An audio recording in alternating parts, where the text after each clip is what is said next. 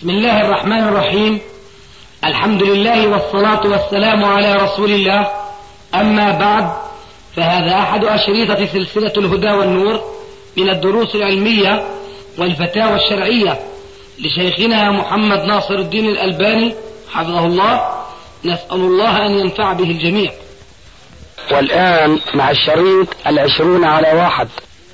إن الحمد لله نحمده ونستعينه ونستغفره ونعوذ بالله من شرور أنفسنا ومن سيئات أعمالنا من يهده الله فلا مضل له ومن يضلل فلا هادي له وأشهد أن لا إله إلا الله وحده لا شريك له وأشهد أن محمدا عبده ورسوله.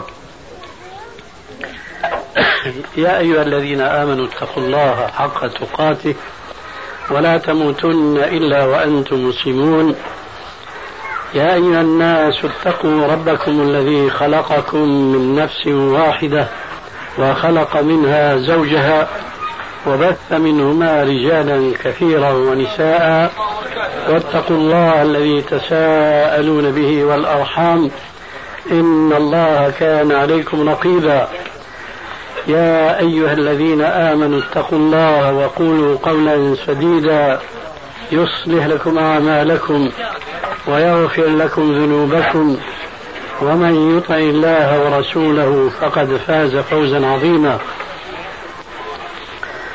أما بعد فإن خير الكلام كلام الله وخير الهدي هدي محمد صلى الله عليه وآله وسلم وشر الأمور محدثاتها وكل محدثة بدعة وكل بدعة ضلالة وكل ضلالة في النار.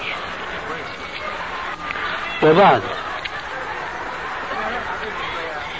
فإنه مما يحسن ذكره بهذه المناسبة المباركة إن شاء الله وهي بناء أخينا غازي على زوجته.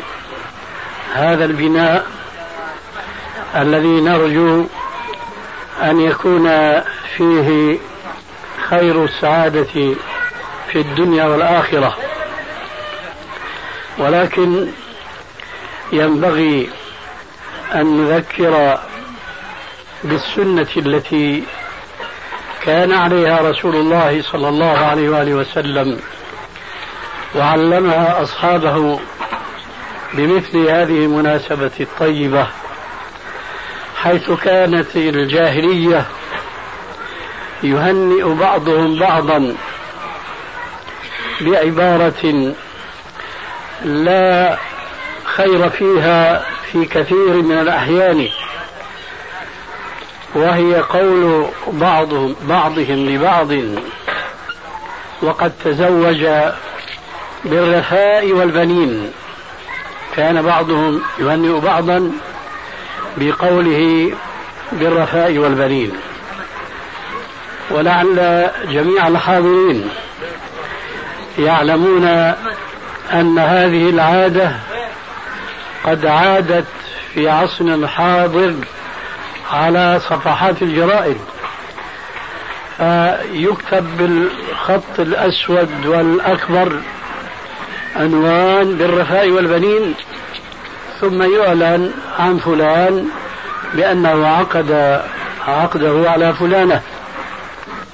فيهنئونه بهذه التهنئة الجاهلية التي أبطلها رسول الله صلى الله عليه وآله وسلم وجاءنا بخير منها كما هو عادته عليه الصلاة والسلام وديدنه.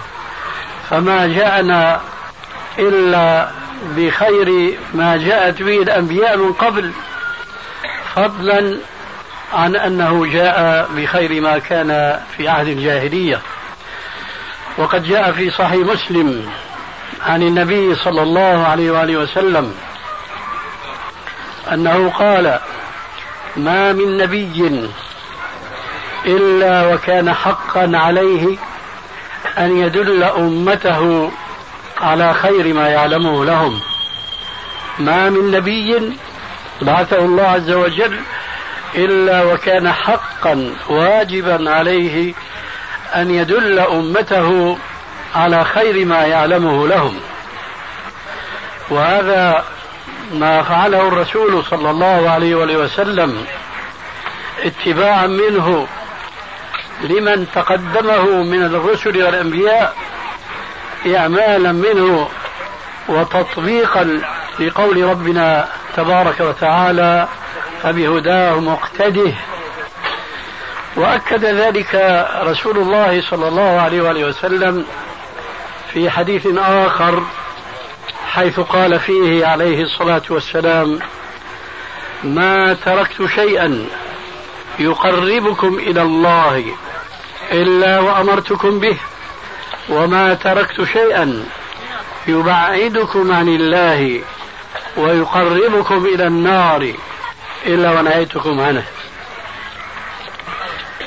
فبماذا جاء رسول الله صلى الله عليه وسلم بديل تلك الجاهلية القديمة وهذه الجاهلية العصرية بالرفاء والبنين. ما هو البديل الذي جاء به سيد المرسلين عليه أفضل الصلاة وأتم التسليم؟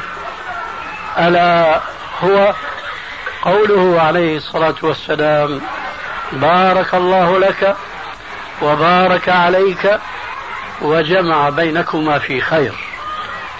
هذا الدعاء هو الذي ينبغي على المسلمين جميعا أن يلتزموه وأن يهنوا أخاهم المسلم حينما يتزوج بأخت له مسلمة. فيقول له بارك الله لك وبارك عليك وجمع بينكما في خير. أنا أعلم أن هذه العادة أو أن هذا التبريك هو أمر مغمور مهجور عند كثير من المسلمين إن لم نقل أكثر المسلمين اليوم وذلك بسبب بعدهم عن تعلمهم لسنة نبيهم من جهة وابتعادهم عن تطبيق ما يعلمون من السنة من جهة أخرى. هذا في الرجال فما بالكم في النساء؟ إنهن أبعد بكثير عن أن يتعاطين هذه السنة بعضهن مع بعض. أن تقول الواحدة لأختها المسلمة بمناسبة زواجها بارك الله لك وبارك عليك وجمع بينكما في خير. فهذا التبريك هو الذي جاء به الرسول عليه الصلاة والسلام وعلمنا إياه بديل تبريك الجاهلية القديمة والحديثة ألا وهي قولهم بالرخاء والبنين. هذا الكلام يوصلنا إلى التحدث عن مسألة أخرى ألا وهي البنون. من المستحب بالنسبة للمسلم الراغب في الزواج أن يبحث عن الزوجة التي يظن أنها ولود. أقول يظن أنها ولود لأنه لا يمكن القطع بأن الفتاة الفلانية هي ولود ولكن ممكن بالظن الغالب أن يحكم على ذلك بالنظر إلى أبيها وأمها وجدتها ونحو ذلك من السلالة. ذلك لأن النبي صلى الله عليه وآله وسلم قد صح عنه أنه قال تزوجوا الودود الولود تزوجوا الودود الولود فإني مباهم بكم الأمم يوم القيامة. ففي هذا الحديث حض النبي صلى الله عليه وآله وسلم أمته على أن يتقصدوا الاقتران والزواج بالفتاة الولود. وقد عرفتم كيف يمكن بغلبة الظن التعرف على الفتاة الولود. وبين النبي صلى الله عليه وآله وسلم في هذا الحديث الصحيح علة أمره المذكور في قوله تزوجوا الولود الودود. ذلك هو قوله صلى الله عليه وآله وسلم في تمام الحديث فإني مباهن بكم الأمم يوم القيامة. إذا عرفنا هذا الحديث النبوي الكريم. استطعنا بعد ذلك أن ننفذ وأن نتوصل إلى مسألة طالما ابتلي بها كثير من الأزواج وهو الذي عرف في العصر الحاضر بتحديد النسل أو بتنظيم النسل. يجب أن نعلم أن هذا التحديد أو التنظيم هو من الأمور الدخيلة في الإسلام والتي يشجع المسلمين عليها أعداء الإسلام. ذلك لأن توالد المسلمين لا شك أنه قوة لهم. ومن أجل ذلك قال عليه السلام في الحديث السابق فإني مباهم بكم الأمم يوم القيامة. فإذا رزق المسلم زوجة ولودا فقد حقق بذلك ذاك الأمر النبوي الكريم تزوجوا الودود الولود. فحينئذ لا ينبغي للمسلم أن يتعاطى من الأسباب ما يقف في سبيل تحقيق هذه الرغبة النبوية الكريمة ألا وهو تحديد النسل أو تنظيم النسل. لا يليق بالمسلمين أن يغتروا بتقاليد الكافرين لا سيما إذا كانوا يصدرون بعض تقاليدهم لغاية سياسية يرمون من ورائها إلى تضعيف شوكة المسلمين والذهاب بقوتهم. من ذلك ما أرسلوه وأوفدوه إلينا بطرقهم الشتى وزينوا لنا ما سبق ذكره من تهديد النسل وتنظيمه. قد يتبنى ذلك بعض الشعوب والأمم التي لا دين لها يوجهها إلى صالح دنياها وأخراها. كالوثنيين مثلا والهندوس ونحو ذلك والصين مثلا الشيوعيين حيث جروا مدة وسنين يتعاطون طريقة قطع النسل بطريقة الربط المعروف لعرق عند النساء. قد يتبنى هذا كفار الذين لا دين لهم. أما المسلمون فينبغي أن يكونوا بعيدين كل البعد عن أن يتأثروا بمثل هذه النظم التي يصدرها الكفار إلى بعض الشعوب الأخرى بسبب تضعيفهم والذهاب بقوتهم وشوكتهم. لا غرابة أن يتبنى ذلك من ليس مسلما لأن غير المسلم لا يرجو من هذه الحياة الدنيا إلا أن يتمتع فيها كما وصفهم الله عز وجل في كتابه أنهم يتمتعون كما تتمتع الأنعام. المسلم ليس كذلك. إنه يحيا ليس لهذه الحياة وإنما لحياة أخرى. هي الحياة الأبدية يعيش فيها المسلم إما كما هو المرجو به حياة سعيدة في جنات النعيم أو يعيش لا سمح الله حياة تعيسة شقية في النار والجحيم. وذلك المعرضين عن الاهتداء بشرع الله عز وجل الذي أرسل به محمدا صلى الله عليه وآله وسلم. كما قال عز وجل ومن أعرض عن ذكري فإن له معيشة ضنكا ونحشره يوم القيامة أعمى. قال رب لم حشرت حشرتني أعمى وقد كنت بصيرا. قال كذلك أتتك آياتنا فنسيتها فكذلك اليوم تنسى. إن المسلم حينما يرزقه الله تبارك وتعالى امرأة صالحة ولودا.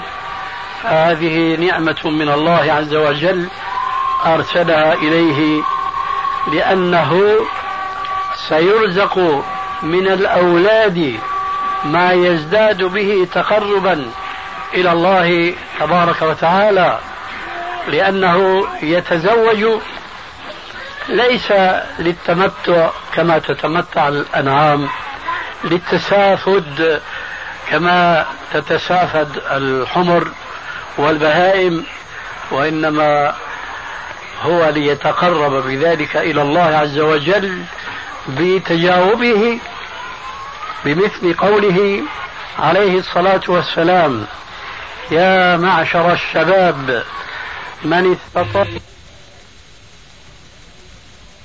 فإنه أغض للبصر وأحصن للفرج ومن لم يستطع فعليه بالصوم فإنه له وجاء. الرجل المسلم أو الشاب المسلم حينما يتزوج فإنما يتزوج تنفيذا لحكم شرعي وليس اتباعا لهوى النفس فقط. وأقول ليس اتباعا لهوى النفس فقط لأن المسلم يؤجر على قضائه لشهوته خلاف الكافر وخلاف الفاجر وذلك ما جاء به النص الصريح عن النبي صلى الله عليه وآله وسلم. حينما جاء رجل من أصحاب النبي صلى الله عليه وآله وسلم ومن الفقراء جاء رسولا من أصحابه الفقراء إلى النبي صلى الله عليه وآله وسلم ليقول يا رسول الله ذهب أهل الدثور بالأجور يصلون كما نصلي ويصومون كما نصوم ويحجون كما نحج ويتصدقون ولا نتصدق. قال عليه الصلاة والسلام إن لكم بكل تسبيحة صدقة وبكل تحميدة صدقة وبكل تكبيرة صدقة وبكل تهليلة صدقة وأمر بالمعروف صدقة ونهي عن المنكر صدقة وإصلاح بين اثنين صدقة وفي بضع أحدكم صدقة. الشاهد هنا. قال عليه السلام وفي بضع أحدكم صدقة. أي وفي مجامعة أحدكم لزوجته صدقة. قالوا متعجبين. يا رسول الله أيأتي أحدنا شهوته وله عليها أجر؟ قال نعم. أليس إذا وضعها في الحرام يكون عليه وزر؟ قالوا بلى يا رسول الله. قال فكذلك إذا وضعها في الحلال كان له على ذلك أجر. فالمسلم حينما يتزوج لا يقصد فقط قضاء وطره وأداء شهوته وإنما أيضا يقصد مع ذلك تنفيذ أمر الله عز وجل في مثل قوله تعالى فانكحوا ما طاب لكم من النساء مثنى وثلاث ورباع وقول الرسول عليه السلام السابق الذكر يا معشر الشباب من استطاع منكم الباءة فليتزوج. فإنه أغض للبصر وأحصن للفرج ومن لم يستطع فعليه بالصوم فإنه له وجاء المسلم أيضا يبتغي من وراء تزوجه شيئا آخر وهو أن يكثر من نسل أمة النبي صلى الله عليه وآله وسلم تحقيقا للرغبة النبوية السابقة تزوجوا الولود الودود. كذلك يقصد أن أنه إذا رزق ولدا أو أولادا أن يعنى بتربيتهم وأن يكونوا خلفا لسلفهم الصالح فيترتب للوالد الذي قام بتربية أولاده يترتب له من الأجر بعد وفاته كل ما فعله أولاده من بعده من الخير. لذلك قال ربنا تبارك وتعالى ونكتب ما قدموا وآثارهم وقال الرسول صلى الله عليه وآله وسلم تأكيدا لجزء من هذا المعنى العام في هذه الآية ونكتب ما قدموا وآثارهم. قال عليه السلام إذا مات ابن آدم انقطع عمله إلا من ثلاث صدقة جارية أو علم ينتفع به أو ولد صالح يدعو له. فإذا المسلم حينما يرزق من الأولاد ما شاء الله فتلك نعمة قدمها الله تبارك وتعالى إليه ليقوم بواجب تربية هؤلاء الأولاد وليأتيه من أجورهم من بعد وفاته إلى يوم القيامة. وقد يصاب المسلم كما هو الواقع والمشاهد بوفاة ولد له أو أكثر. فتأتيه أجور أخرى غير تلك الأجور التي أشرنا إليها آنفا من ما لو أحياهم الله عز وجل له وعاشوا بعد وفاته فجاءه من حسناتهم دون أن يكون هو قد فعل هذه الحسنات. فالآن في الصورة الأخرى إذا أصيب المسلم بوفاة بعض أولاده ثم صبر على ذلك ورضي بقضاء الله وقدره ضمنت له الجنة. قال عليه الصلاة والسلام ما من مسلمين أي زوجين يموت لهما ثلاثة من الولد إلا لن تمسه النار إلا تحلة القسم.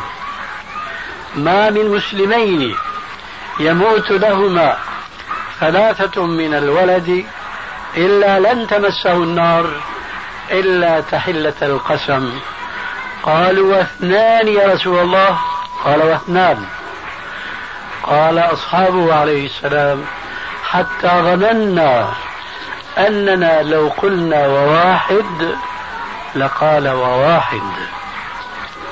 إذا فالمسلم المتزوج يعيش بين حسنتين لا بد من إحداهما. إن عاش أولاده من بعده جاءته أجورهم وهو في قبره. وإن مات شيء من ولده في قيد حياته فقد ضمن الله له تبارك وتعالى الجنة وأنه لن تمسه النار إلا تحلة القسم.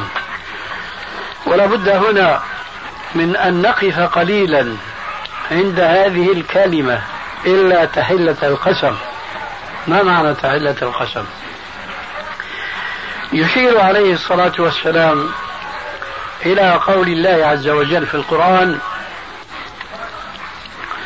وإن منكم إلا واردها كان على ربك حتما مقضيا ثم ننجي الذين اتقوا ونذر الظالمين فيها جثيا.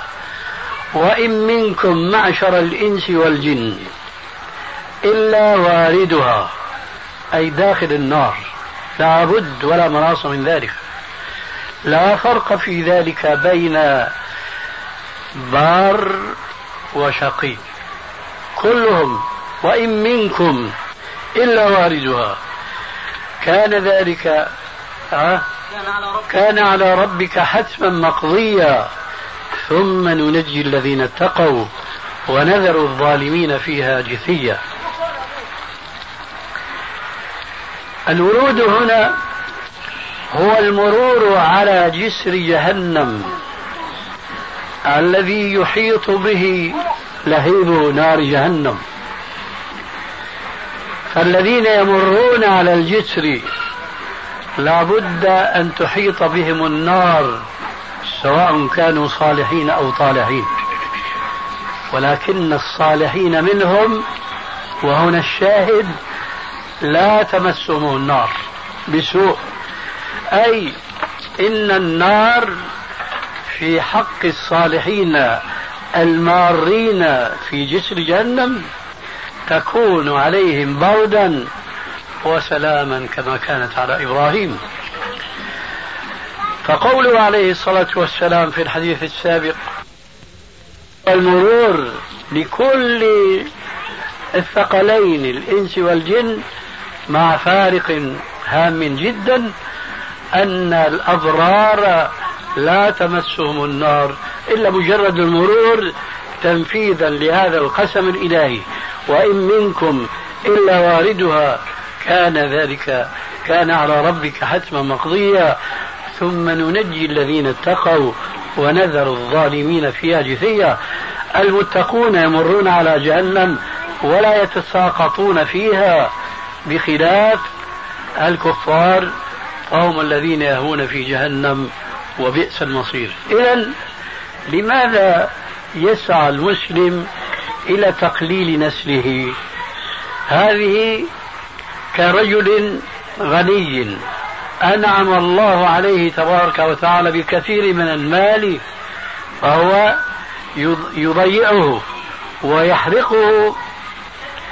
مثل هذا كمثل هذا تماما بل الذي يضيع ولده ويقطع نسله أو يقلل نسله أمره شر من الذي يضيع ماله أو يقلل ماله.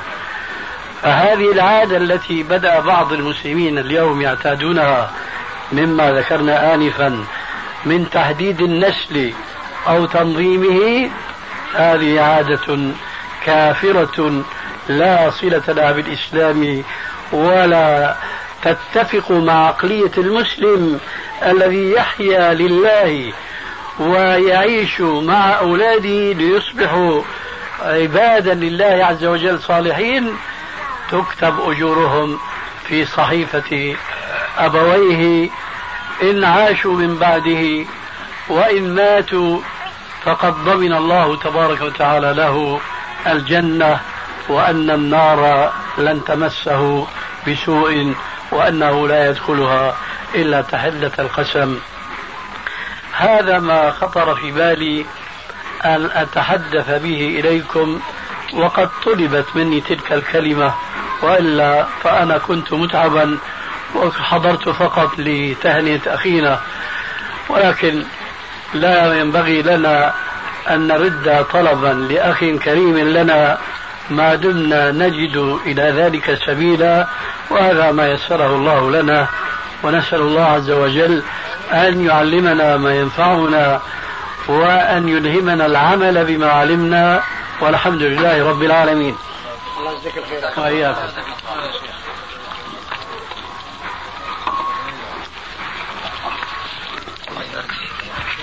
وفيكم إن شاء الله.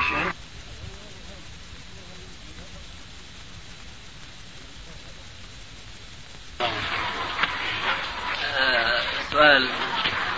نرجو أن تزيدنا حوله إيضاحا وعلما حقيقة. بالنسبة إلى زواج المتعة هل لنا أن ننطلق من عدم تحريم الرسول صلى الله عليه وسلم له؟ في عدم تحريمه؟ كنت تسأل هذا السؤال فجوابي أنه خطأ من أصله. لأن النبي صلى الله عليه وسلم حرم المتعة وليس لم يحرمها. فقد جاء في صحيح البخاري وصحيح مسلم أحاديث عديدة في النهي عن نكاح المتعة. ومن آه، هذه الأحاديث الصحيحة أن النبي صلى الله عليه وآله وسلم حرم المتعة إلى يوم القيامة. فأظن أن الجواب واضح وأن السؤال ما أدري من أين جاءك في قولك أن الرسول ما حرمه. وسيدنا أنه الشائع بين الناس أن عمر الخطاب هو الذي حرم هذا آه هذا سؤال له جوابه أيضا. ينبغي أن نتذكر قاعدة.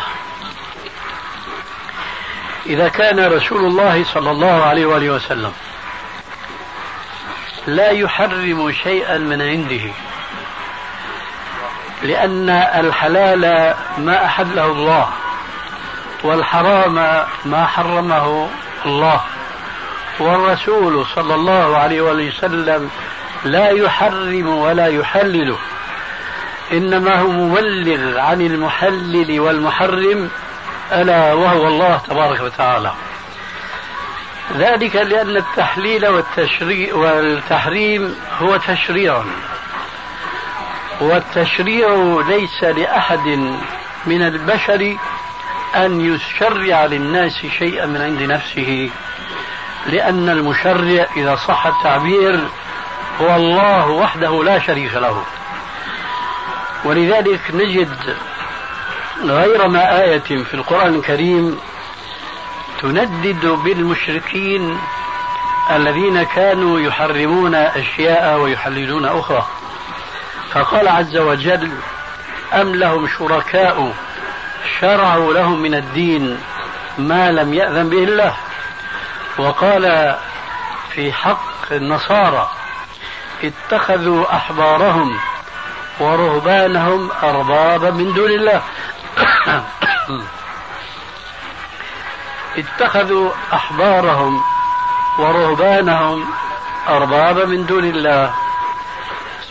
أشكل هذا النص القرآني أربابا من دون الله. أشكل على بعض الأصحاب الكرام الذين كانوا في المجلس الذي تلا فيه الرسول عليه السلام هذه الآية الكريمة. وقد كان من العرب الذين تنصروا في الجاهلية. ألا وهو عدي بن حاتم الطائي. فلما سمع هذه الآية يقول في بني دينه النصارى اتخذوا أحبارهم ورهبانهم أربابا من دون الله. قال يا رسول الله ما اتخذناهم أربابا من دون الله؟ لماذا يقول هذا؟ لأنه لم يفهم الآية كما أراد الله تبارك وتعالى. فهم الآية أربابا يعني آه، خلقوا السماوات والأرض مع الله تبارك وتعالى. لكن الرسول عليه السلام سرعان ما بين له المعنى الصحيح الذي أطاح بإشكاله فقال له مجيبا بسؤاله إياه. ألستم كنتم؟ إذا حرموا لكم حلالا حرمتموه وإذا حللوا لكم حراما حللتموه. قال أما هذا فقد كان. فقال عليه السلام فذاك اتخاذكم إياهم أربابا من دون الله. أريد أن أقول إذا كان الرسول صلى الله عليه وآله وسلم وهو سيد الناس يوم القيامة بما فيهم آدم فمن دونه من الأنبياء والرسل. إذا كان سيد الأنبياء ليس له أن يحرم وأن يحلل وإنما ذلك لله عز وجل. فهل لأحد دون الرسول عليه السلام أن يحرم ما دام أن الرسول لا يحرم؟ الجواب لا. الآن لإتمام توضيح السؤال. إذا حرم الله شيئا وبلغناه نبينا صلى الله عليه وسلم فهل نحن نحرمه أم نحلله؟ إذا حرم الله شيئا فما موقفنا؟ نحلله أم نحرمه؟ نحرمه. فأنت مثلا قد تنقل عني تقول فلان حرم المتعة. هذا أمر بدهي لأن هذا التحريم محرم على بلاغ الرسول عليه السلام الذي وصف في القرآن بقول عز وجل والنجم إذا هوى ما ضل صاحبكم وما غوى وما ينطق عن الهوى إن هو إلا وحي يوحى. فإذا لما حرم عمر المتعة إنما حرمها بناء على تحريم الرسول إياها. ولما حرمها رسول الله صلى الله عليه وسلم ما حرمها من عند نفسه لأنه ليس له صفة التحليل والتحريم إنما هو من عند ربه تبارك وتعالى. تحريم عمر الخطاب للمتعة هو تنفيذ منه لنص شرعي. بهذا أن نلفت النظر أن تحريم المتعة ليس فقط بالسنة بل السنة وضحت وبينت تحريم القرآن لها. كلنا يقرأ في أول سورة المؤمنين قد أفلح المؤمنون الذين هم في صلاتهم خاشعون والذين هم عن اللغو معرضون والذين والذين والذين هم لفروجهم حافظون إلا على أزواجهم أو ما ملكت أيمانهم فإنهم غير ملومين. آه، فمن فمن ابتغى وراء ذلك فأولئك هم العادون. إذا ربنا عز وجل في هذه الآيات المحكمة قد بين أن لا سبيل للمسلم لقضاء شهوته إلا من طريق من طريقين اثنين لا ثالث لهما. الزواج وتسري. المتعة متعة ليس زواجا. ولذلك أكد الرسول عليه السلام ما أفادته هذه الآية من التحريم. فعمر كان مبلغا عن الرسول بتحريم المتعة والرسول كان مبلغا عن الله عز وجل بتحريم المتعة. فعل عمر في تحريم المتعة له شبه كبير جدا أقول الآن على سبيل المجاز بتشريعه قيام رمضان. فإن كثيرا من الناس يتوهمون أن عمر الخطاب هو الذي ابتدع بدعة القيام في رمضان وصلاة قيام الليل مع الجماعة في رمضان وهو لم يصنع شيئا وإنما أحيا سنة سنها النبي صلى الله عليه وسلم من قبله حيث ولا أريد أن أطيل الآن إنما قصدت التقريب للموضوع. لا أريد أن أفصل الكلام على صلاة التراويح لكني أذكر والذكرى تنفع المؤمنين. فالرسول صلى الله عليه وسلم صلى صلاة القيام في رمضان جماعة ثلاث ليالي ثم تركها خشية أن تفرض على الناس ولكنه في الوقت نفسه حض المسلمين على صلاة قيام رمضان جماعة. فقال عليه الصلاة والسلام من صلى صلاة العشاء في رمضان مع الجماعة ثم قام مع الإمام حتى ينصرف كتب له قيام ليلة.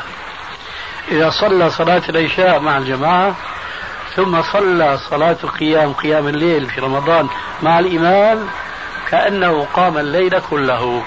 فلو لم يكن في السنة إلا هذا الحديث الصريح في شرعية صلاة القيام مع الإمام في رمضان ففعل ذلك عمر الخطاب فهو لم يأتي بشيء من عنده. فكيف وقد انضم إلى هذا القول النبوي في الحض على صلاة القيام؟ مع الإمام فعله عليه السلام لها ثلاث ليال من رمضان. فإذا عمر أحيا هذه السنة ولم يشرعها من عنده. كذلك عمر حرم المتعة اتباعا لنبيه ولم يحرمها من عند نفسه. ولعل في هذا جوابا لما سبق. تفضل. سؤال عن إفشاء السلام. هل إفشاء السلام مقيد للرجال فقط. أم الرجال على النساء بعمومه أظن أنك تعني بسؤالك أن يسلم الرجال على النساء. نعم. والعكس. وأن يسلم النساء بعضهم على الرجال. ولا تعني في سؤالك بالطبع أن يسلم النساء بعضهن على بعض. فتعني في جملة ما تعني أن الشاب المسلم إذا مر بشابة مسلمة يقول لها السلام عليكم. ويكون خيرهما من الاثنين الذي يبدأ الآخر بالسلام. فإذا هي لقيت شابا فتبادره بالسلام قبل الشاب. تصير في مسابقة. هذا من مضمون السؤال بالطبع. فأقول لابد قبل أن أقول يجوز أو لا يجوز أن أذكر بقاعدة هامة جدا ليتمكن بها طالب العلم من التفقه في الدين. هذه القاعدة هي أن النصوص العامة التي جاءت في السنة فينبغي تطبيقها على النحو الذي طبقت أو طبق ذلك الحديث في عهد النبي صلى الله عليه وسلم. ولا ينبغي أن نأخذ من الحديث معنى جديدا لم يجري عليه عمل السلف الأول. أنا أضرب لكم مثلا من عادتي أن أذكره لبعض إخواني بمثل هذه المناسبة. كل المصلين الذين أنعم الله عليهم بأن يؤدوا فرائضهم في مساجد المسلمين.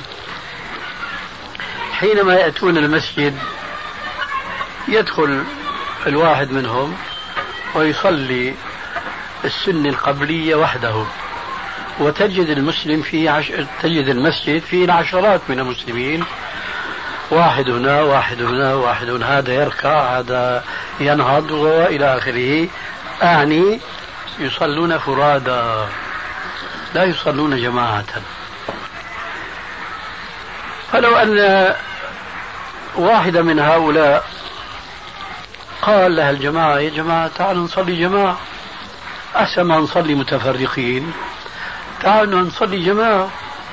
وقد قال عليه السلام يد الله على الجماعة. حديث صحيح.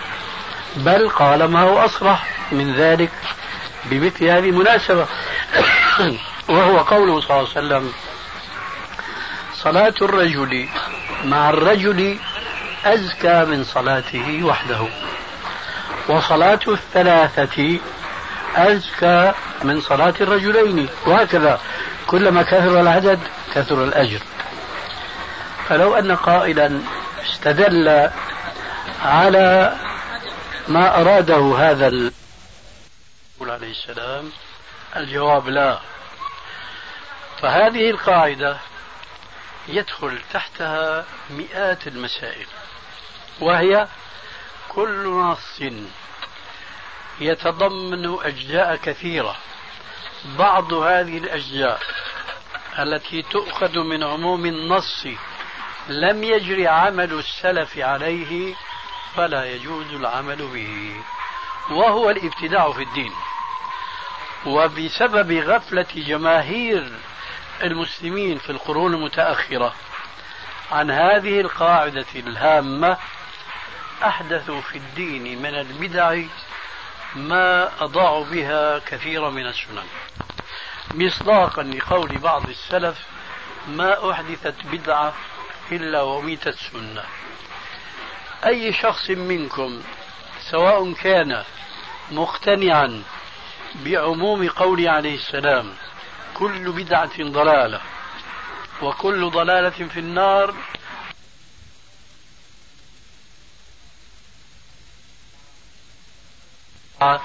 تنقسم إلى أقسام خمسة سواء كان أي واحد الآن من الحاضرين يقول بأنه الحديث على عمومه أو من العام المخصوص فليأتي بأي بدعة يراها هو بدعة أنا آتي بحجة من دليل عام.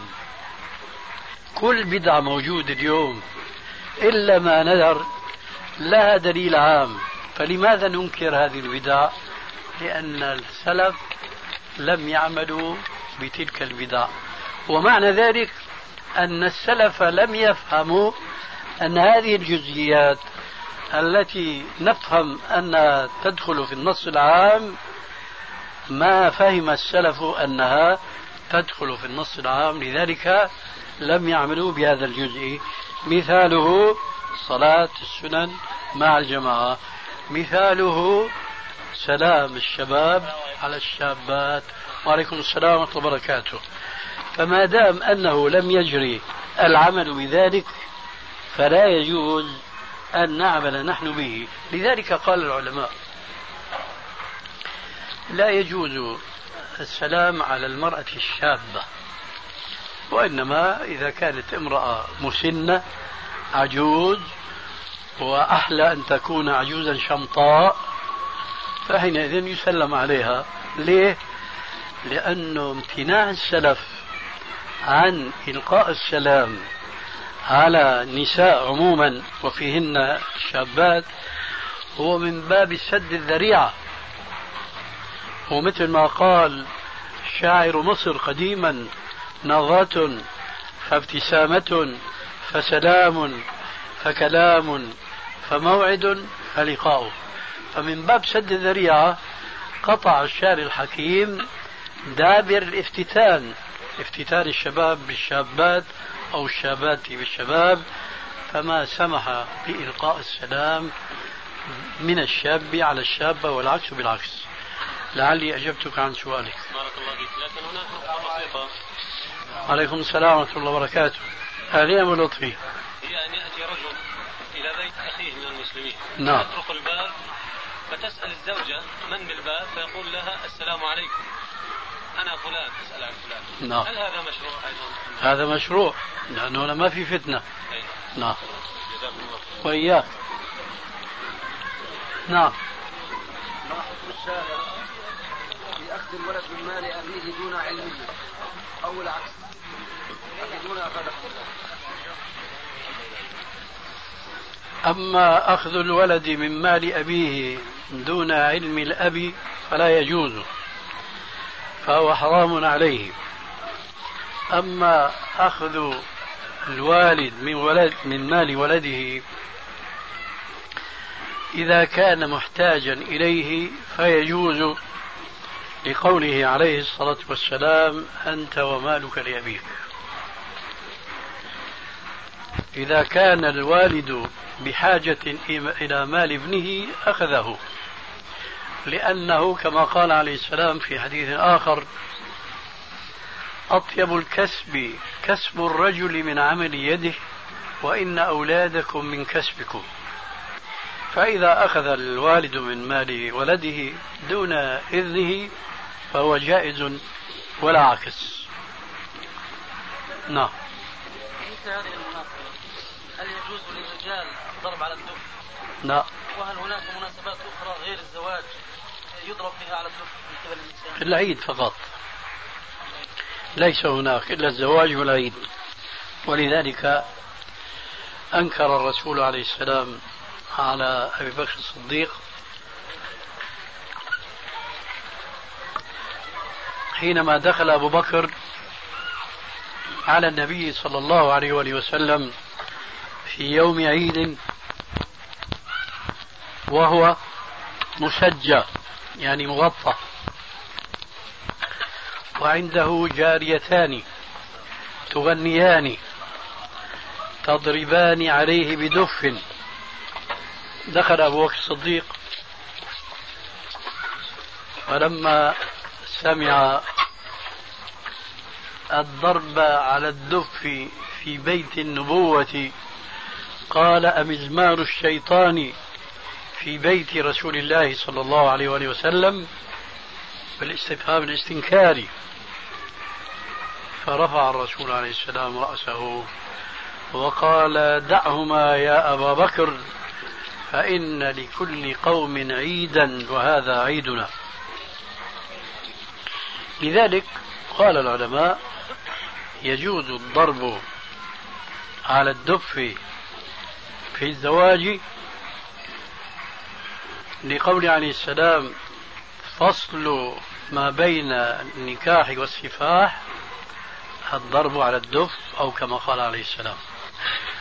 وكذلك في العيد لحديث أبي بكر الصديق. ذلك لأن آه، أبا بكر كان معذورا في إنكاره على الجاريتين ضربهما بالدف لأنه هو الأصل.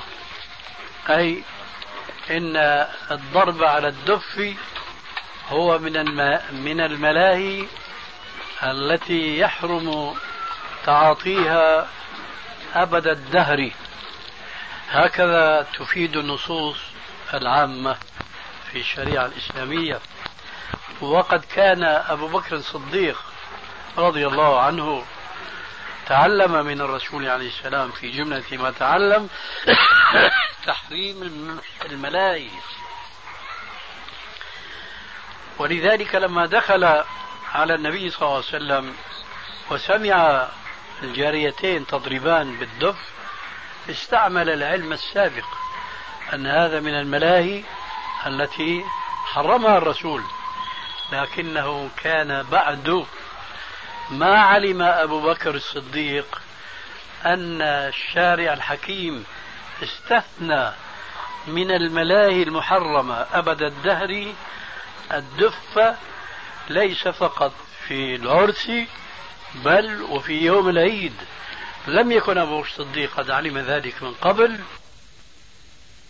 حاطوا بجلد من وجه واحد وليس عليه القطع النحاسية المدورة حيث تعطي نغمة زيادة عن طبيعة الضرب على هذا الدف هذا هو فقط ليس أكثر.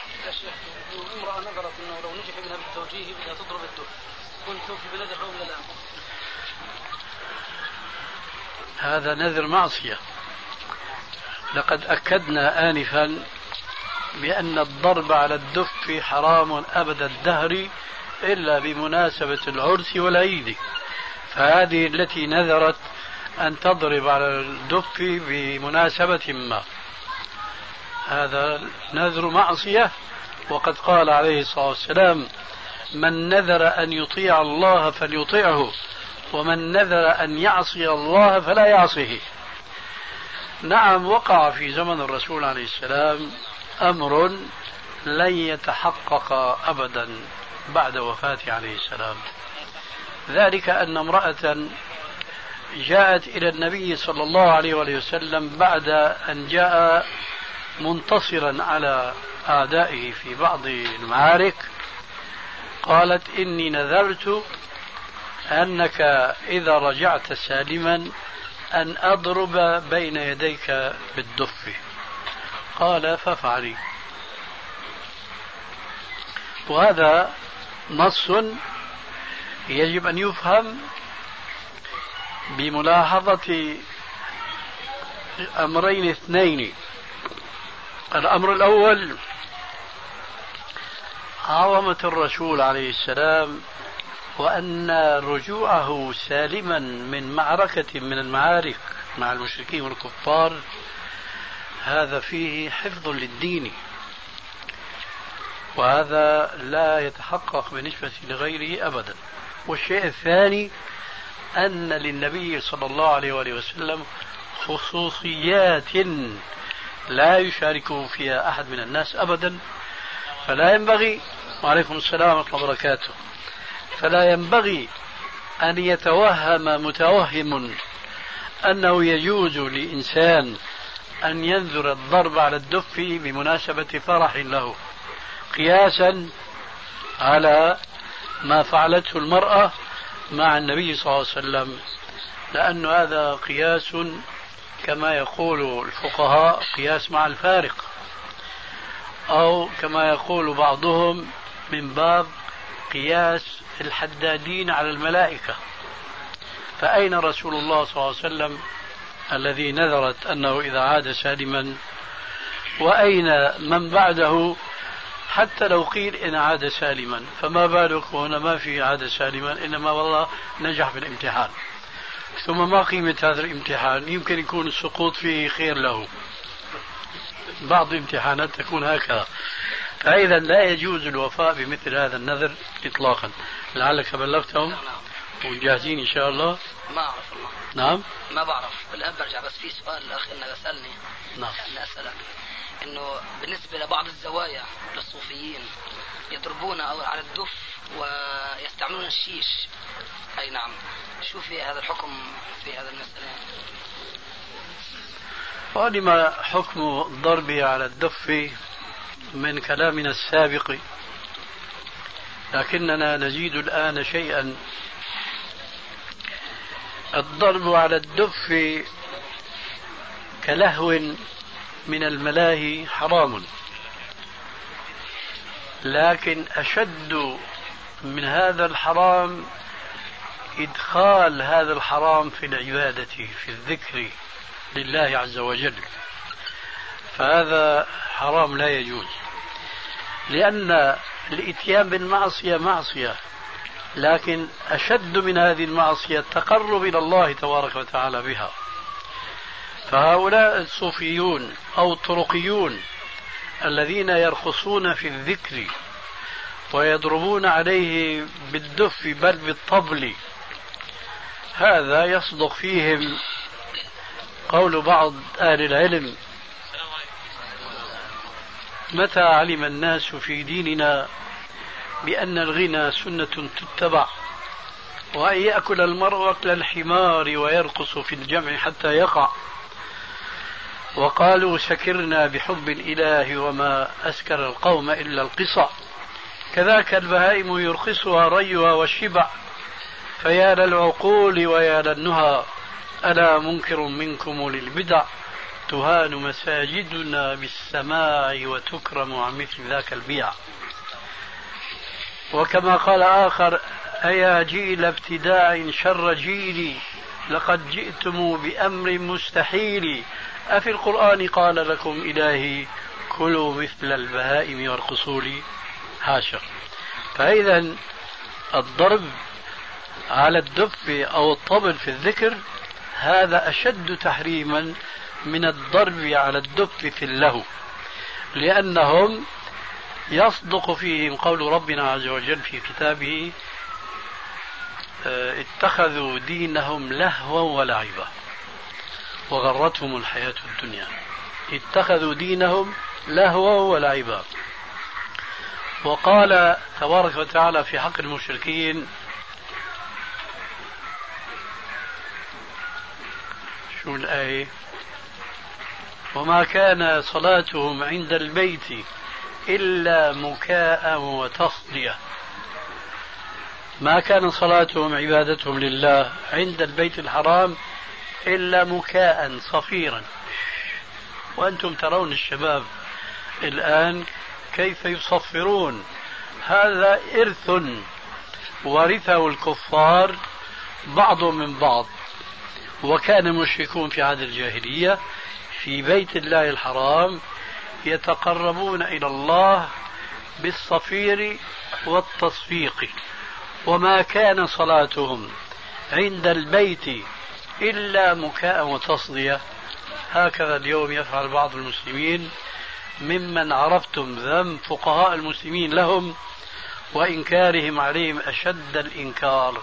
حتى أفتى بعضهم بأن المكان الذي يذكر فيه هؤلاء الرقصة الأكلة يجب أن يحرث لأنه تلوث أتي فيه بمعصية الله عز وجل. ذلك الذكر الذي زعموا أنه ذكر وإنما هو لهو. أما الضرب بالشيش هذه مصيبة المصائب. أن يكون هناك مئات الألوف من المسلمين يتوهمون أيضا هذا الإيذاء للنفس. هو معجزة هو كرامة لهؤلاء الناس الذين يزعمون أنهم على شيء من الدين وليسوا على شيء لأن الدين هو اتباع ما كان عليه الرسول عليه السلام ولم يكن رسول الله صلى الله عليه وسلم ولا أصحاب الكرام يذكرون الله بهذه الصفة التي عرفتم شيئا منها. من تلك الأشعار التي أسمعتكم إياها. فهنا حرامان اجتمعا عند هؤلاء. الضرب على الدف في الذكر وضرب هؤلاء الناس لأنفسهم بالشيش وهذا إيذاء للنفس يقترن به تضليل للمسلمين. وإيهامهم أن هذه كرامة والحقيقة هي ليست أول بكرامة بل هي إهانة ثم هي تمرين يستطيع أفجر الفاجرين أن يفعل فعلهم. يستطيع ذلك أن يفعل الكافر. الكافر الذي لا يؤمن بالله ورسوله. لماذا؟ لأنه تمرين. رياضة. وأنتم لعلكم جميعا سمعتم بعض غرائب الهندوس الوثنيين الذين يدفن أحدهم على مرأى من شهود بل وأطباء. فحاصين حضروا خصيصا. كيف يدفن هذا في الأرض؟ ثم يخرج حيا. من أين يتنفس؟ هذا هل معنى هذا الوثني لأنه عاش تحت التراب أياما مشتعات ثم خرج حيا. هذا من أولياء الله الكبار.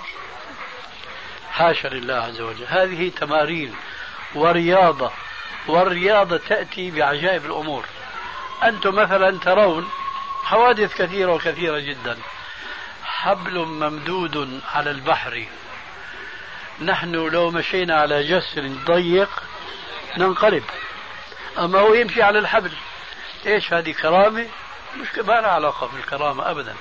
هذا هو تمرن. ويشترك فيه الصالح والطالح والمؤمن والكافر. وعلماء المسلمين قديما وحديثا لهم تجارب مع هؤلاء الناس الذين لا يعرفون من دينهم سوى هذه التمارين التي اعتادوها ثم يضللون الناس بها. مع أن العلماء يقولون إذا رأيت شخصا قد يطير وفوق ماء البحر قد يسير ولم يقف على حدود الشرع فإنه مستدرج وبدعي. لماذا قالوا؟ قالوا لأن هناك خوارق العادات تنقسم إلى ثلاثة أقسام. خوارق العادات تنقسم إلى ثلاثة أقسام. معجزة كرامة استدراج.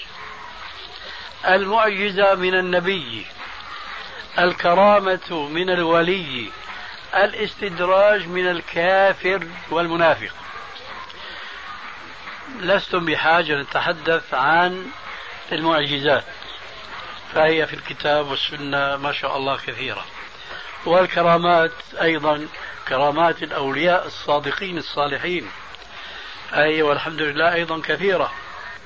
كلما دخل عليها زكريا المحراب وجد عندها رزقا هذه كرامة لمريم عليها السلام. وهناك كتب مؤلفة في هذا الصدد. ومن أحسنها كتاب ابن تيمية رحمه الله. شو اسمه؟ نعم. لا لا ذكرونا باسمه يا جماعة. لا. الخلاصة. أما الحديث الذي ينبغي أن نتحدث عنه هو الاستدراج.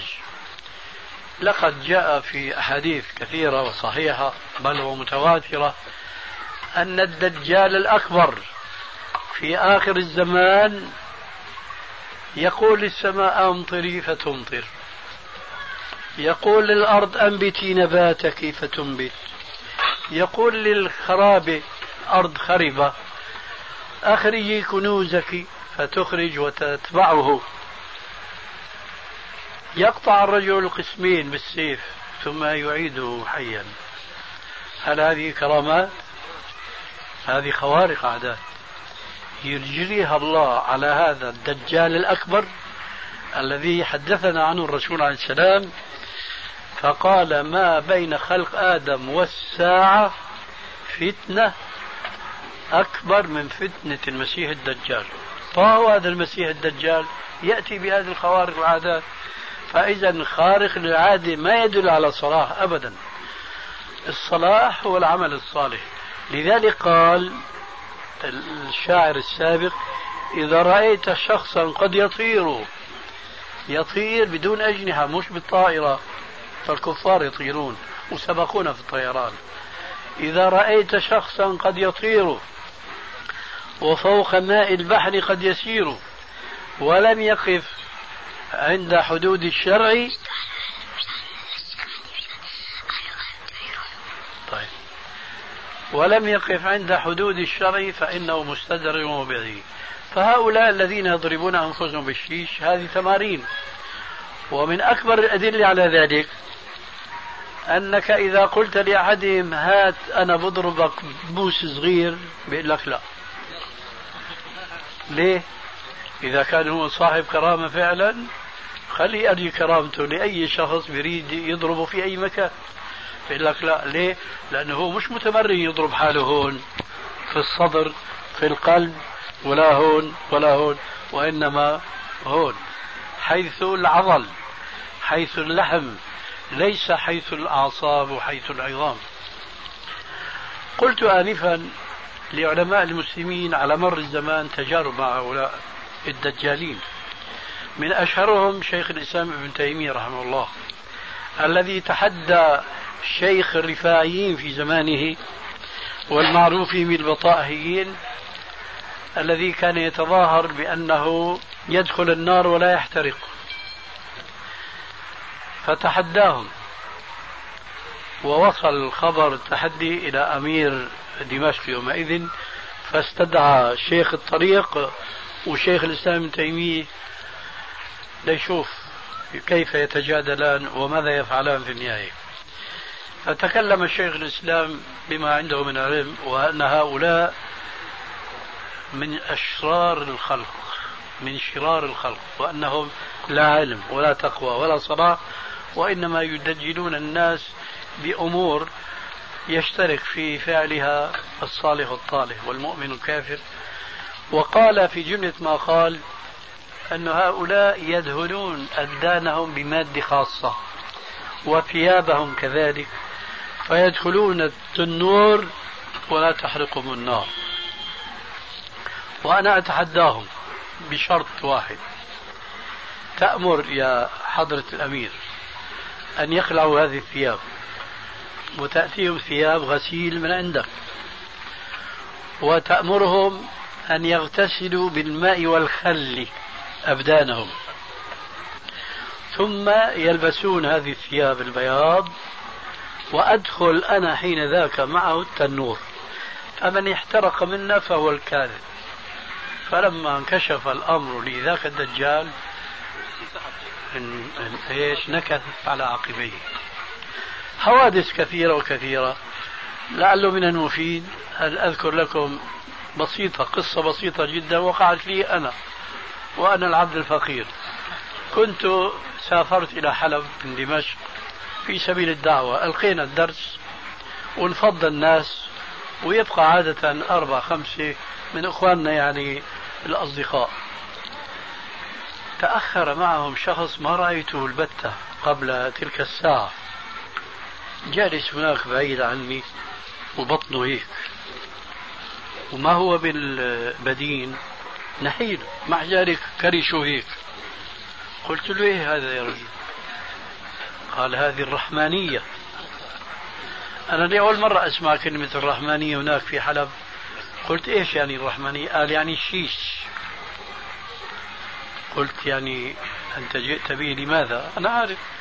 قال نوريكم كراماتنا. قلت له الأمر سهل. كنت أحمل يومين موسى ذي نصلين. كل نصل هيك طوله صغير مشان براية القلم.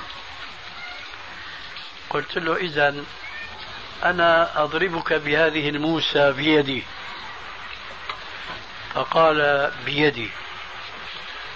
يعني هو بيضرب حاله بينموس اللي بعطيها بيده قلت له لا بيدي.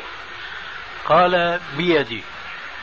فالناس بدأوا يتفرجوا على هالكلمة اللي بتتكرر من الفريقين. أنا بقول بيدي وهو بيقول بيدي. بيدي بيدي بيدي. وأنا بطبيعة الحال أصبر منه. أولا محق وثانيا مضى عليه ما شاء الله من سنين وأنا أدعو الناس أشكالا وألوانا إلى دين الله الحق. فكل ومل ولذلك طلع منه آخر كلمة. شو الفرق؟ أنا بقول له بيدي هو بيقول لي بيدي بيدي بيدي. بعدين مل وكل قال إيش الفرق؟ قلت له ما دام ما في فرق فبيدي. فبهت الذي ضل. وحول الموضوع رأسا وهذا من تسجيلهم. نادى صاحب الدار واسمه كمان أبو أحمد. أي نعم. قال له يا أبو أحمد هات المنقل بتقول المنقل أنتم تبع الفحم. فهمت أنا ماذا يريد. قلت له يا أبو أحمد لا تجيب المنقل هات الكبريتي. سبحان الله. كان هو من الصوفية بيعتادوا يحطوا حطة بيضة بدون آه، العقال. فجاء الكبريت شعلت كبريتي وقمت ليه قلت له ارجع عن دعواك هذه الباطلة ولا بعرك؟ مسكين وجمة. يعني خرس هر كلمة ما يحكي ولا كلمة. وأنا أتقدم إليه خطوة خطوة حتى اقتربت منه فعلا. حطيت الكبريت في الغضاضة في الحطة تبعه وبدأت تلتهب. ثم أخذت هيك فركتها. خشيت أنه يزداد الشرر. عملت هيك صارت فتحة هيك. قلت روح بقى لعند الشيوخ تبعكم قل لهم هي كرامات سلفيين. بس. نصلي العشاء آه طيب نصلي. الشياطين ما دخل في هذا الموضوع. كيف؟ الشياطين ما دخل في هذا الموضوع. أحيانا إذا دخل. لكن هي تمارين بلا شك. بسم الله الرحمن الرحيم. من سلسلة الهدى والنور أجوبة على أسئلة عبر الهاتف.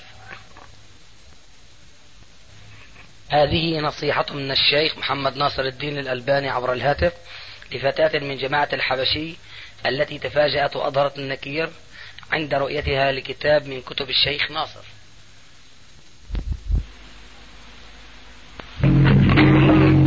تعني في أننا في الزمان الأخير أو آخر الزمان.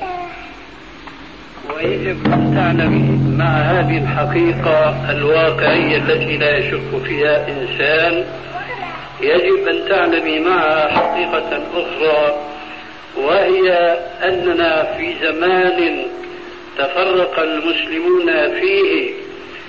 تفرقا شيء منه ورثوه. عن التفرق السابق؟ وشيء منه تفرقوا فيه في هذا الزمن اللاحق.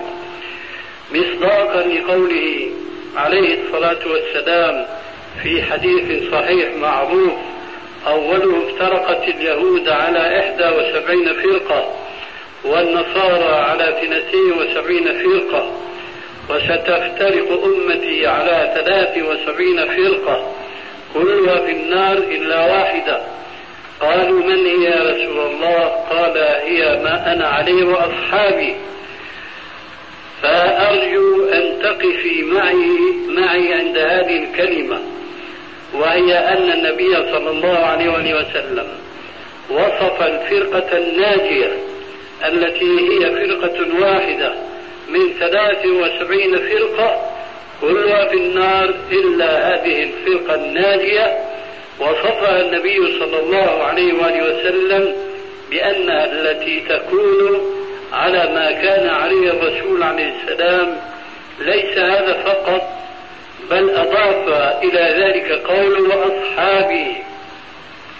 ولا شك أن التمسك بسنة النبي صلى الله عليه وآله وسلم وحدها هو الكافي وهو الهدي والنور. ولكن ما دام أن بيننا وبين النبي صلى الله عليه وآله وسلم أربعة عشر قرنا فهناك وهناك الفرق الكثيرة التي أشار إليها الرسول عليه السلام في الحديث السابق فيجب على المسلم فوق اعترافه أو تعرفه على السنة أن يتعرف على ما كان على ما كان عليه الصحابة. ولذلك قال عليه السلام هي التي على ما أنا عليه وأصحابي. ذلك لأن أصحاب الرسول عليه السلام تلقوا البيان منه صلى الله عليه وسلم للشريعة من فمه ردا طريا. أما نحن فبيننا وبينه عليه السلام وصايا كثيرة. وهذه الوصايا من أجل تمييز ما يجوز التمسك بها مما لا يجوز أو ما يجوز الاحتجاج بها مما لا يجوز وجد علم اسمه علم الحديث واسمه علم التجريح والتعديل. ولذلك فإذا ما أردنا أن نعرف ما كان عليه الرسول عليه السلام فنحن نعرفه من طريق علماء الحديث الذين يصلوننا بالنبي صلى الله عليه وآله وسلم وما كان عليه أصحابه الكرام. بعد هذه المقدمة الوجيزة نأتي إلى ذلك المثال الذي حدثنا به أخونا أبو أحمد جزاه الله خيرا وهي حديث الجارية الثابت في كتب السنة الصحيحة أن النبي صلى الله عليه وآله وسلم سأل الجارية أين الله؟ فقالت في السماء. فأنت تبعا للشيخ عبد الله الهرري تنكرون هذا الذي أقره الرسول عليه السلام من القول من الجارية إن الله عز وجل في السماء علما أن ما قالته الجارية هو ما نص عليه ربنا عز وجل في القرآن الكريم في قوله في سورة تبارك آمنتم من في السماء أن يخسف بكم الأرض فإذا هي تمور. أم أمنتم من في السماء أن يرسل عليكم حاصبا فستعلمون كيف نذير؟ وأنا أعلم أن هناك تأويلات لمثل هذه الآية تصدر من مثل الحبشي وغيره وهنا أقول عليك أن تعودي في فهم الكتاب والسنة إلى الصحابة الذين جعلهم الرسول عليه السلام دليلا على أن من تمسك بما كانوا عليه تبعا للرسول عليه السلام فهو من الفرقة الناجية. فهل علمت بواسطة كتب الحبشي أو غيره أن أحدا من السلف أنكر هذا الذي أنكره الحبشي؟ من القول بمثل ما قالت الجارية إن الله عز وجل في السماء. ثم من أنكر إن الله عز وجل في السماء فهو سيقول أحد شيئين لا ثالث لهما. الشيء الأول أنه تحت السماء وهذا كفر صريح بواح.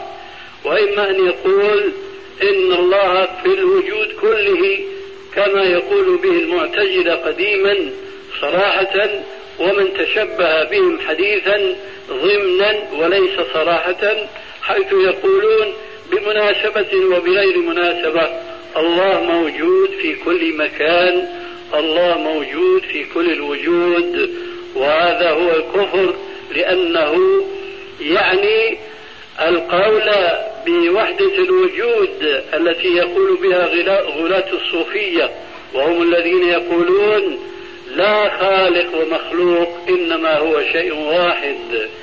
كما يقول بعض غلاتهم كل ما تراه بعينك فهو الله. ويقول آخر لما عبد المجوس النار ما عبدوا إلا الواحد القهار. ذلك لأنهم يعتقدون قول الطبائعيين والدهريين أنه ليس هناك خالق متميز بصفاته عن المخلوقات. ما هو إلا هذا الدهر؟ وهذا ما صرح به القرآن الكريم إن يهلكنا إلى الدهر عن الكافرين الأولين. فلذلك فنفي القول بأن الله في السماء المصرح به في القرآن وحديث الجاري وغيره يلزم هؤلاء النفاة أن يقولوا إن الله تحت السماء أو أن يقولوا إن الله في كل مكان وسواء قالوا هذا أو ذاك فهو كفر.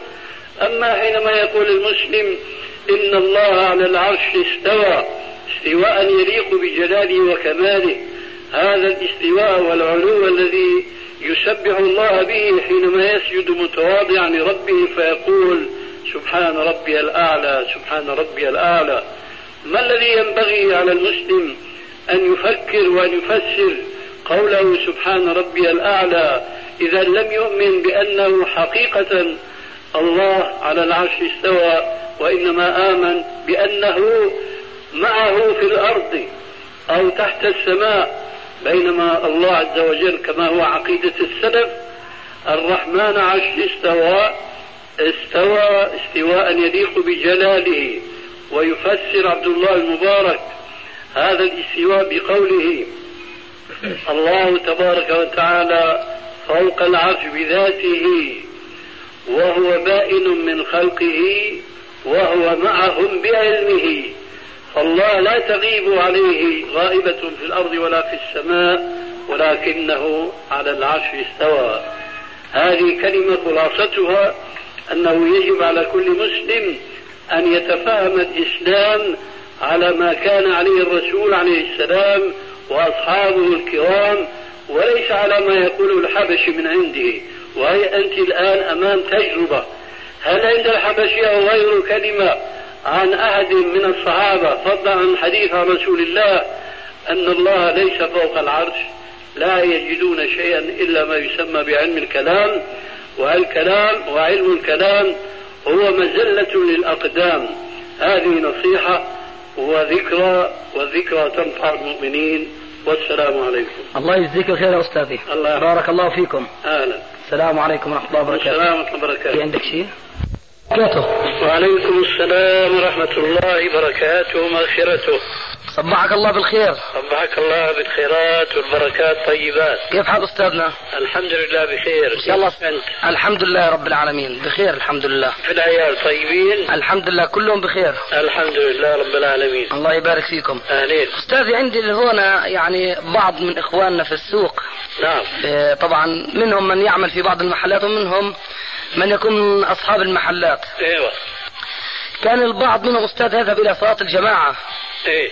لكن من مدة يعني بصلي في محله. إيوه. فكنا ذكرنا لهم يعني إنه صلاة الجماعة خير طبعا من صلاتك في محلك.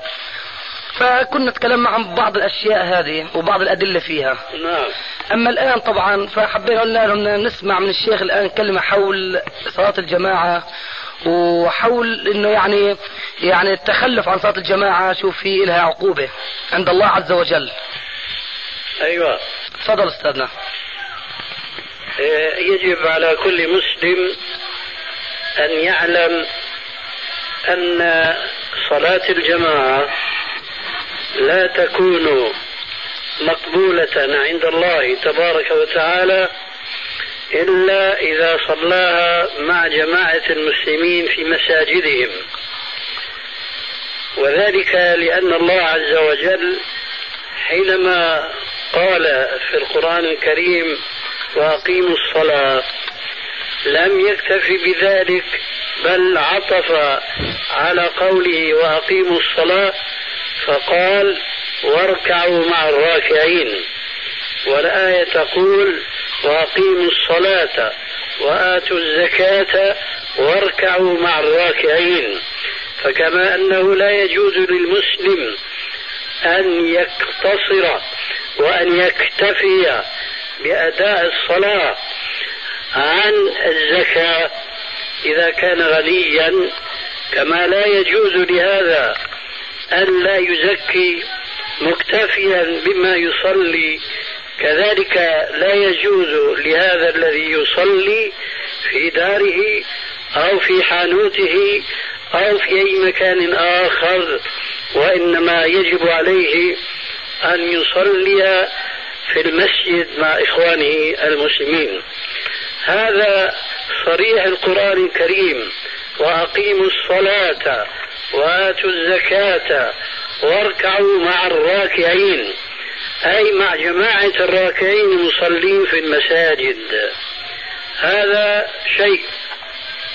وشيء ثان قد أمر النبي صلى الله عليه وآله وسلم أمرا لا هوادة ولا تساهل فيه كل مسلم سليم غير مريض أن يصلي في المسجد وهدده بأنه إذا تخلف عن المسجد حرق عليه بيته كما جاء في صحيح البخاري وصحيح مسلم من حديث أبي هريرة رضي الله عنه قال قال رسول الله صلى الله عليه وآله وسلم لقد هممت أن آمر رجلا فيصلي بالناس ثم آمر رجالا فيحطبوا حطبا ثم أخالف إلى أناس يدعون الصلاة مع الجماعة فأحرق عليهم بيوتهم.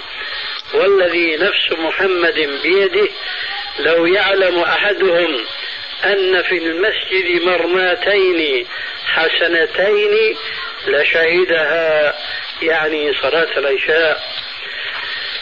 وإنما لم يحرق الرسول عليه السلام بيوت أولئك المتخلفين عن حضور صلاة الجماعة في المسجد لأنه يوجد في البيوت من لا يجب عليهم صلاة الجماعة كالأطفال الصغار بل والنساء الكبار لأن صلاة النساء في بيوتهن خير لهن. لهذا السبب هم عليه السلام بتحريقهم ولم ينفذ ما هم عليه لوجود المانع وهو وجود من لا تجب عليه الصلاة في المسجد النساء والأطفال الصغار. ولو لم يكن هناك في تعيير وتعييب هؤلاء المتخلفين عن مساجد المسلمين إلا أنهم يتشبهون بالنساء اللاتي يصلين في البيوت وليس في المساجد لكفى بهم عارا وشنارا. فكيف؟ وقد هم النبي صلى الله عليه وسلم بتحريق بيوت أمثال هؤلاء المتخلفين.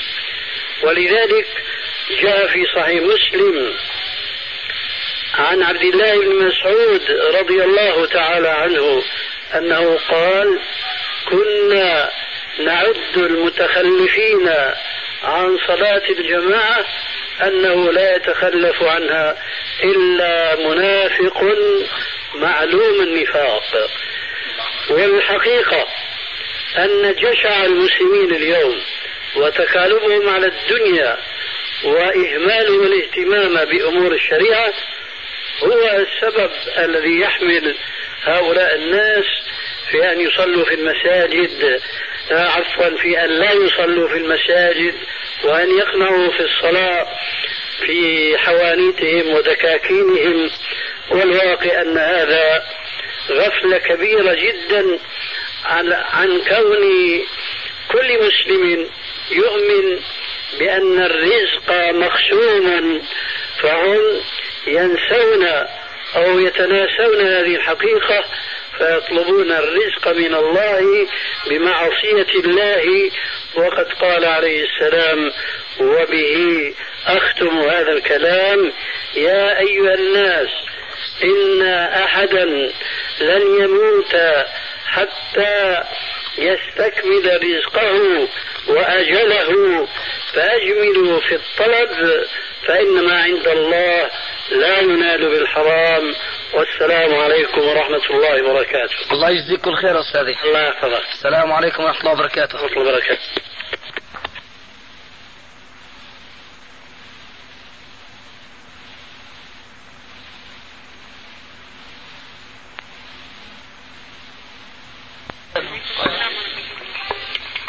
السلام عليكم ورحمة الله وبركاته.